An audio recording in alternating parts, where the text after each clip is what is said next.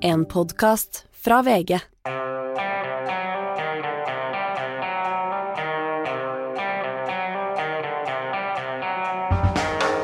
Ikke kødd med arbeidslinja. Ikke kødd med arbeidslinja, ja. Det var Jonas Gahr Støre som var eh, riktig så offensiv på talen til Arbeiderpartiets eh, landsmøte. Vi har et eh, godt sammensatt panel til å vurdere det han sa og måten han sa det på. Og dessuten så skal vi snakke om Braut Haaland, som ble historisk i går, men nye rekorder står for fall. Dette er Gjever og gjengen, og det er torsdag den 4. mai. Og først aller uh, hjerteligst velkommen til Guest Star Skjalg Fjellheim, politisk redaktør i Nordlys. Tusen takk. Som altså er i byen uh, i Oslo, ikke din favorittby nødvendigvis, uh, men i anledning av Arbeiderpartiets landsmøte. Det stemmer. Ja. Eh, og eh, Hanne og Hans Petter er også her, men jeg spør gjesten først. Hva syns du om eh, Jonas Gahr Støre sin tale til ham? Jeg syns han holdt en veldig god tale, eh, som var godt gjennomarbeidet. Som var trygt forankra i sosialdemokratisk politikk, med vekt på fellesskapsløsninger. Eh, og eh, også et skarpt blikk på den utenrikspolitiske situasjonen og den betydninga det har for Norge. Og så tror jeg at han var det må ha føltes veldig godt for Jonas Gahr Støre å få den varme, lange applausen som han fikk når han trådte opp på talerstolen på Folkets hus i dag. Jeg så det bare via VGTV, men han virka ganske rørt, nesten på gråten i begynnelsen? Ja, han var eh, beveget. Eh, og det er klart at det han har stått i eh, de, siste dagene med det oppspillet til landsmøtet som han nok ikke har ønska, så tror jeg nok det kjentes veldig godt og betryggende for han. Vi kan snakke litt mer om det etter hvert, men det, er det temaer han unngikk å snakke om, som han burde ha snakket om? Altså, han var jo innom eh, de fleste temaene eh, som jo er relevante i dagens politiske eh, diskurs, for å bruke et sånt ord. Eh, han var jo innom denne, dette med energipolitikk, som jo er kanskje den viktigste årsaken til Arbeiderpartiets problemer på meningsmålingene, altså strømprisene og kraftkrisa. Og der var egentlig budskapet stø kurs. Uh, vi, uh, vi, må finne den, Arbeiderpartiet må finne den riktige balansen mellom politisk styring og det å være en del av et stort eh, integrert marked, energimarked. Så han, han, var innom alle de viktige tingene. Men jeg, jeg tror at vel, de som delegatene i landsdelen da nok oppfattet at dette var en tale som, som ga dem noen svar på hva Arbeiderpartiet skal være nå på vei inn i en viktig kommunevalgkamp. Ja, Hanne, jeg hørte på VGTV at du syns du er ikke uenig med Skjalg her? Nei, jeg syns det var en god tale. Jeg synes det var kanskje en av de beste jeg har hørt han holde. Jeg fikk en SMS underveis fra en venn som spurte står han uten manus. Det er jo imponerende. Og han gjorde jo ikke det, han hadde manus, men det forteller om at han var såpass lett og ledig i framstillingen at det fremsto som om han sto rett og slett og bare snakket fra hjertet. Ja, for det derre ikke kødd, det hadde han tenkt på forhånd. Det var ikke noe som kom på Det faller ikke Jonas Gahr Støre veldig naturlig, tror jeg. Jeg ser for meg han sitter hjemme sånn Nei, ikke kødd! Og så tar han litt ekstra sats, for det er jo ikke sånn man prater i offentligheten, selv om man kanskje kan si det privat. Nei. Nei. Hva syns du, Hans Petter? Du har Ja, Jeg tror ikke han sier det privat heller. Nei. Jeg tror ikke Jonas Gahr Støre fører et sånt språk oppe på ris. Uh, nei, altså, jeg, synes, jeg er jo helt enig med det Skjalg og, og Hanne sier. Um, det var en som sa at Jeg var ikke på den pressekonferansen han holdt på tirsdag.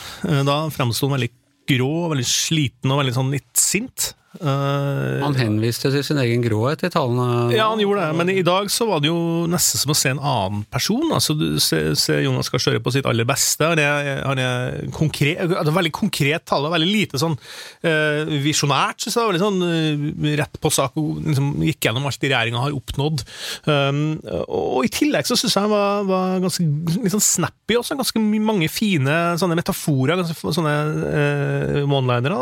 Og når han fremstiller Arbeiderpartiet som i starten der, etter den lange applausen som jeg tror nesten alle ble litt rørt, av, fordi du så statsministeren sto nesten og grein på, på talerstolen, så, så, så, så, introduserte han da eh, metaforen Arbeiderpartiet er som et slitesterkt ekteskap. og jeg hørte på han etterpå, da sa han at han var litt fornøyd med den eh, formuleringa der. Og jeg syns det også var ganske god.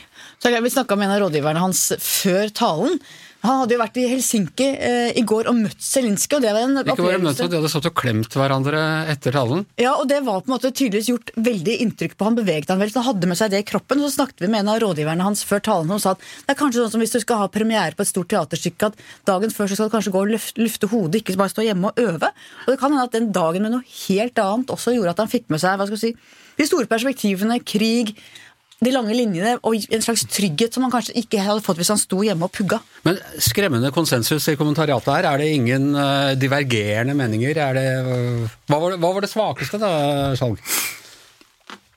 For å være helt ærlig, så, så jeg klarte ikke å finne noen svake punkter i den talen. Altså, Med det utgangspunktet han hadde foran den talen, ikke sant, med den striden som har vært om partisekretærvervet, så, så tror jeg at det føltes befriende for han å kunne gå på talerstolen og vite at det kommer ikke til å bli noe bråk på dette landsmøtet. Han, han bidro jo sjøl til å, å, å unngå at det ble kaos på landsmøtet med denne telefonen som han tok til Tana da tidligere i, i uka. Eh, Så det var en, en, en, en avslappet eh, statsminister. Er den krisen nå avverget med denne talen, eller?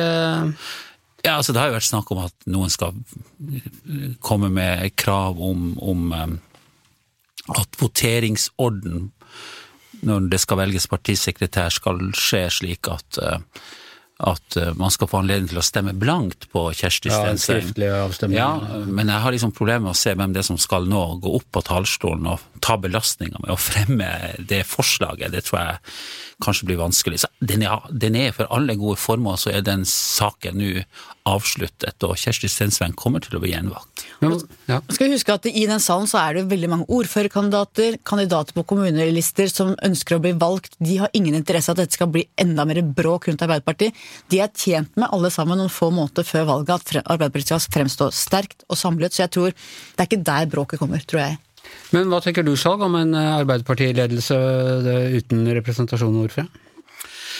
Det, det høres kanskje rart ut, men eh, jeg syns ikke det er noe stort problem. Eh, og det har jo ikke vært noe lovmessighet i Arbeiderpartiet. at det, det står ikke nedfelt i Arbeiderpartiets formålsparagraf at det skal være noen i partiledelsen fra en bestemt landsdel. Men det hender at folk nordfra mener at det er eh, at det bør være slik likevel. eh, Det kan kanskje fremstå på den måten, men det har jo vært lange perioder i Arbeiderpartiet at det ikke har vært slik. Eh, Altså, ja, det har vært sånn i lange perioder etter 1992.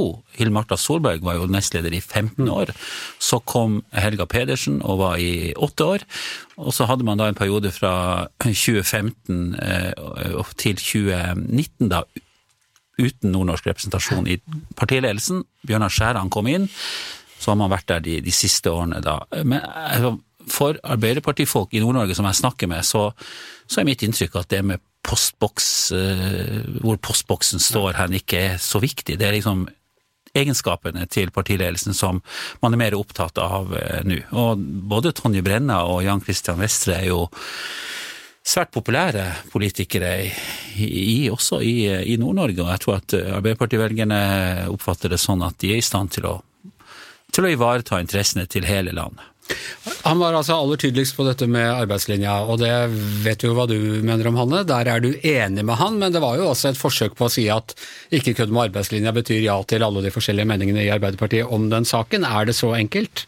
At eh, alle parter kan liksom retorisk dyttes inn i eh, denne posten? Nei, og Det bærende argumentet er jo at du må heve de laveste lønningene, som jeg er helt enig med. Så sa han også noe som jeg skvatt litt av. Han sa at alderspensjonistene skal bli lønnsvinnerne i dette trygdeoppgjøret. Og det tenker jeg Noen av oss er veldig glad for å høre det. Ja, du som er så gammel, Anders, er vel det. Men det er noe med generasjonsregnskapet her. Og selv om det er pensjonister i Norge som har dårlig råd, som skal løftes minstepensjonister, så er det klart at de fleste pensjonister i Norge har veldig god råd. Mens det er unge nå som har store boliglån, som får renteutgifter, alle disse tingene, som er de som blør. Sånn at det, det syns jeg nå kanskje Det skvatt jeg litt av. Det syns jeg var om vi kan si et svakt punkt i talen, eller et svakt punkt i politikken. Ja, du mener du skvatt av det? Ja, litt. Nei, Var det litt altså, drøyt, Ja, eller? det var litt sånn, ja, skvatt var kanskje litt sterkt ord, men, eh, nei, men, men eh, det, han, jeg synes jo at Vi har jo snakka veldig mye om, om kunstig intelligens og sånn her i, i, i podkasten de siste dagene. og Jeg jo han, altså, han var god til å adressere de unge, skjermbruk, eh, det som jeg har tatt opp med mine barn også. Hvorfor leser du ikke bøker? Ikke sant? Og Han det- snakka en god del om dagliglivet. ja, han gjorde det. var veldig veldig nedpå. Jeg syns sånn, sånn formuleringa han brukte som at vi må tenke enda større om de minste, uh, vitner om at dette her eh, har de tenkt ganske nøye gjennom. Uh, mye om skole da, med, på Tonje Brenna sitt, uh, sitt område. da. Uh, nå skal vi også komme kom en nyhet. Det skal jo tildeles 120 millioner i friske midler til, til lærebøker til det minste. For det er altså tenkt sjøl, jeg har jo fire barn. og jeg jo ofte ser at de kommer hjem, de har ikke bøker. De kommer hjem bare med sånne ark, og det liksom ser så lurvete ut alt sammen. Så Det er der nok tror jeg er et veldig godt løft. der. Burde vi ikke ha en sånn skolebokmilliard, eller et eller annet sånt? Ja, ja, men, men altså, det, det der en diskusjon om tidlig digitalisering i skolen sånn, er jo en, en som har gått ganske heftig. da. Eh, og der syns jeg Støre var mer fremoverlent i den diskusjonen enn han har vært på kanskje noen gang at vi har hørt fra Arbeiderpartiet. Så der, der kommer det til å skje ting, tror jeg. Enn fra noen politikere, egentlig. Altså, det er, han reiste dette som et viktig tema på en måte som ingen andre partier så langt jeg kan se, har gjort. Men det er jo da fortsatt å love mer penger til eh, et, et godt formål. Altså må man jo si at eh, det har jo aldri vært Jonas Gahr Støres svake side at han er dårlig på politisk eh, retorikk. og han er, Vi vet jo han kan være veldig overbevisende i sånn én-til-én. Han er ganske uh, god i, sin, i de kontrollerte omgivelsene, men så glipper det altså av og til i den daglige politikken og den daglige håndteringen. Uh, Skjalg, at han er dette litt sånn, for å bruke et folkelig uttrykk, pisse i buksa for å holde varmen. Denne, eh, denne talen den gir, eh, den gir trøst og komfort akkurat nå i bobla på, på Youngstorget, og så er det ut i den like kjipe virkeligheten eh, til uka. Jeg tror ikke Arbeiderpartiets problemer er over, selv om Han talte seg ikke ut av Nei, problemene. Han, han gjorde nok ikke det. Og altså han står jo i det dilemmaet at han både må han må både hva skal vi si, eh, snakke til de, de vanlige folka som han er inne, innom her, ikke sant, som nå har, får høyere boliglånsrenter og i tillegg har dyre strømregninger osv. Og så har han denne, denne middelklassen ikke sant, som han også skal bygge en bro til. Eh, Lilla-velgerne og liksom dette, dette her velgerfellesskapet som Arbeiderpartiet har, har vært. Det blir ganske krevende for han å, å holde det, det sammen fremover. Um, men jeg tror at det må jo diskusjon rundt Arbeiderpartiet eh, og disse, disse nestlederposisjonene og partisekretærvervet kanskje har fremstått som veldig rar for velgerne der ute og for opinionen. Fordi eh, Hvis man liksom ser på Arbeiderpartiet som et fotballag som gjør det veldig dårlig og holder på å rykke ned, så er det kanskje rart at det er materialforvalteren og assistenttrenerne som, som skal byttes ut, mens liksom hovedtreneren eh, skal fortsette. Men paradokset er jo at det finnes ikke et alternativ til hovedtreneren i Arbeiderpartiet. I hvert fall ikke nå, men det gjør kanskje det om to år. Og nå, nå har jo Jonas sjøl sagt i intervjuer i går at han har skjenket skuldrene litt fordi at han har fått arverekkefølgen på plass i partiet. Altså, Brenna eller Vestre er klar til å ta over, og det kan jo bli allerede om, om to år. Og, og så får vi nå se. Vi får et bittert oppgjør mellom de to om to år, kan vi håpe på det, vi i pressen? Jeg er lov å håpe, men jeg er ikke sikker på det. Ok, Hanne, det, er, det var åpningen på Arbeiderpartifestivalen som skal vare hele helgen. Hva skjer eh, videre nå? Men nå er det jo statsrådene skal holde sine innlegg, delegatene skal komme med sitt, og da får vi nok mye fra lokale kommuner. Fra stort og smått. Det er en ganske interessant forening. Det er ofte gøy å sitte og høre på alle landsmøter, egentlig, hvor du får hele Norge inn, på en måte, hva som rører seg eh, der ute. Så tror jeg det blir mye diskusjon rundt eh, arbeidslinja. Tror det blir mye diskusjon rundt eh, energipolitikken. AUF har varslet et oppgjør med politikken på å åpne opp og undersøke for mineraler og, ute, så det blir mange vanskelige temaer.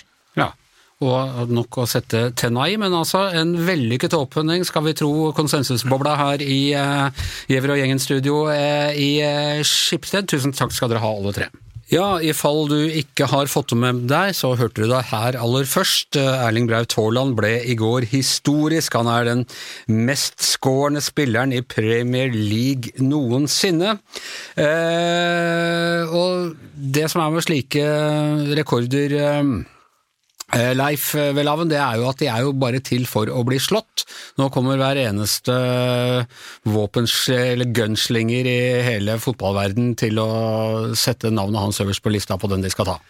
Det er sant, det. Samtidig så er det sånn, han har skåret 35 mål, og sesongen er ennå ikke over, bare i ligaen. Og det er et uh, antall skåringer per kamp som jeg tror vil både bli vanskelig for han selv å slå uh, i senere sesonger, og for andre å ta igjen. Så han legger lista ekstremt høyt. Ja, og så er, det, så er det jo en del andre statistikker han nå også ligger an til å kunne bli historisk i. så Betyr dette, og nå med all fare for å, å høres veldig sjåvinistisk norsk ut, og i og med at jeg ikke har peiling på fotball, er han den største fotballspilleren i Europa noensinne?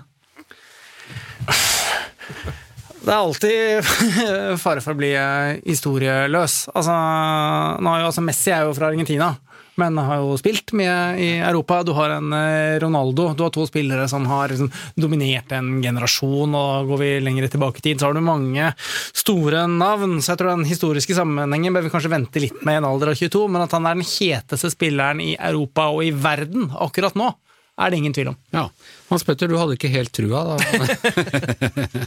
Nei, det, det var en, den første kampen som ble spilt med Haaland på det laget, som, som, jeg har vært fan av i ganske mange år, da, må sies. Det er ditt lag? Ja, og, og i den kampen så, så, så, fikk vi liksom vise fram litt at eh, det var en spiller som kom til den klubben som hadde en litt annen måte å spille på da, enn det laget hadde.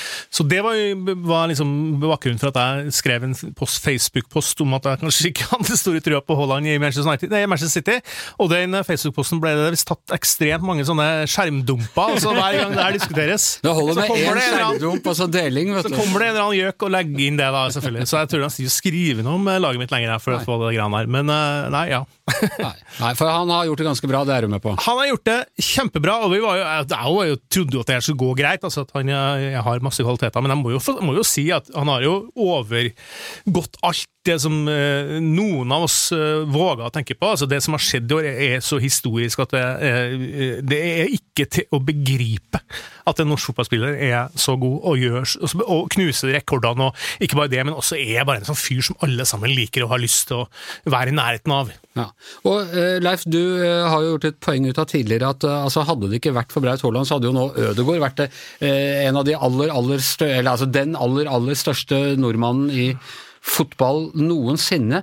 Og hva kommer det av at i en sport hvor vi var fullstendige amatører og kløner i hele min oppvekst, eh, plutselig eh, er det Det kan ikke være tilfeldig at vi har to så store talenter. Vi gjør noe riktig nå. Norge er på offensiven. Vi kommer til å skylle over fotballverdenen i de neste tiårene med en fart og en kraft bare Argentina kan vise maken til. Det er sikkert mange som vil liksom gi den norske idrettsmodellen kred for alt mellom himmel og jord. Ja, jeg, jeg, er ikke sikker, på om det er fullt så enkelt. Nei. Jeg tror dette altså, handler mye om uh, en blanding av uh, dyktige personer i nær familie, gener uh, og en del andre samvirkende faktorer. Så at liksom, dette i seg selv liksom, skal friskmelde norsk fotball fra enhver diagnose, det tror jeg kanskje er å, å trekke det for langt. Men at det er ekstremt ekstremt fascinerende at uh, to av uh, Europas kjeteste fotballspillere er norske på samme tid. Det er jo kjempeinteressant. Har en gullkamp med en nordmann på hvert av lagene.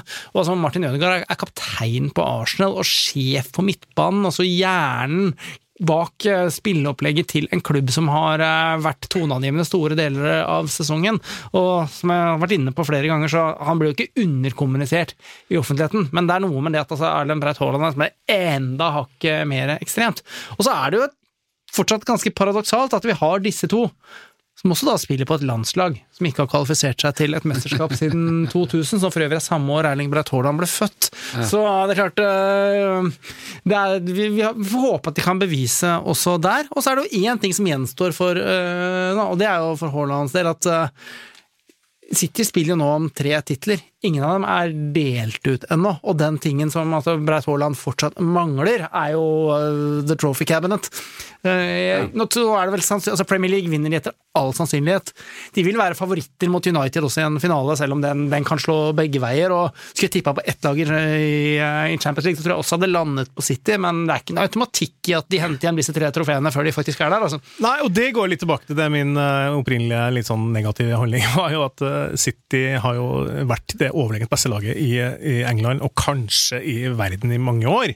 Uh, Vunnet fire av fem siste trofeene i, i, Premier League, men ikke vunnet Champions League. Hvis det er sånn nå at de ikke vinner de tre, eller i hvert fall ikke, ikke, har noe så spesiell framgang på, på, på troféfronten, så er det jo ikke sånn at det er jo ikke I Norge får du fort den trua at det er liksom Erling Brødt Haaland som har brakt City til de høydene her, da. Uh, og, og, det syns jeg som gammel fan er litt sånn rart å tenke på, for det laget her har vært helt fantastisk bra i mange, mange år. Jeg har ikke hørt om dette laget før han Braut Haaland. Nei, men du har jo ikke hørt om Rosenborg eller Brann eller Tromsø, eller du, Anders? Så det er greit. Men, ja. men, men, det som er fascinerende her, er at du har verdens mest geniale fotballtrener. og det Han altså han har riktignok altså, styrtrike eiere, som vi kan si mye om, og midler, i, midler som få andre har. men Vi kan ta det en annen dag akkurat i dag. Men det han i hvert fall har klart å gjøre, da, er å skape et kollektiv ut av individualister, og også klare å tilpasse måten de spiller på, avhengig av hvem han har.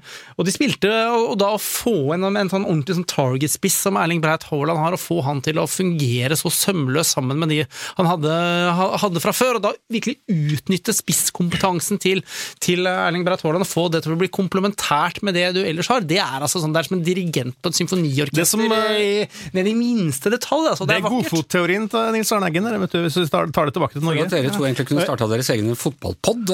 Ja, men det er jo kjempe, kjempeinteressant, ikke sant? At, at uh, Haaland uh, det jo, viser jo bare at han var, hadde et en enda større potensial enn jeg fikk vist fram før. Han er blitt eldre, selvfølgelig, men at han klarer også å tilpasse seg en stil som egentlig er, helt, er ganske annerledes da, enn det han sto for før, syns jeg er, er, veldig imponerende. Og det forteller også mye om Guardiola sin han, han, klarer jo å forme spillere inn i sitt system, og det er imponerende. Så er det en drøm å være en avslutter, altså har du verdens beste servitører rundt deg. Altså, du får jo ikke bedre arbeidsforhold når du først uh, altså, Du har så presise pasningsleggere på alle bauger og kanter. Så vakkert at jeg blir helt på grineren, men uh, vi må ta helt til slutt, Leif, og nevne det vi har vært enige om at vi skal nevne hver eneste gang vi snakker om Braut Haaland, det er at sportsvasking virker.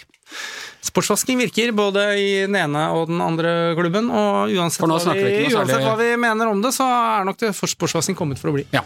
Og vi har slutta helt å snakke om eierne og deres svin på skogen, for det gjør ikke med de pasningene. Hvem bryr seg om det? Ok, eh, da er Giæver og gjengen over for i dag. Eh, takk til eh, Leif Welhaven, Hans Petter Sjøli, Hanne Skartveit. Særlig takk til Skjalg Fjellheim. Vi er tilbake i morgen. Vår produsent er målmaskinen Magne Antonsen.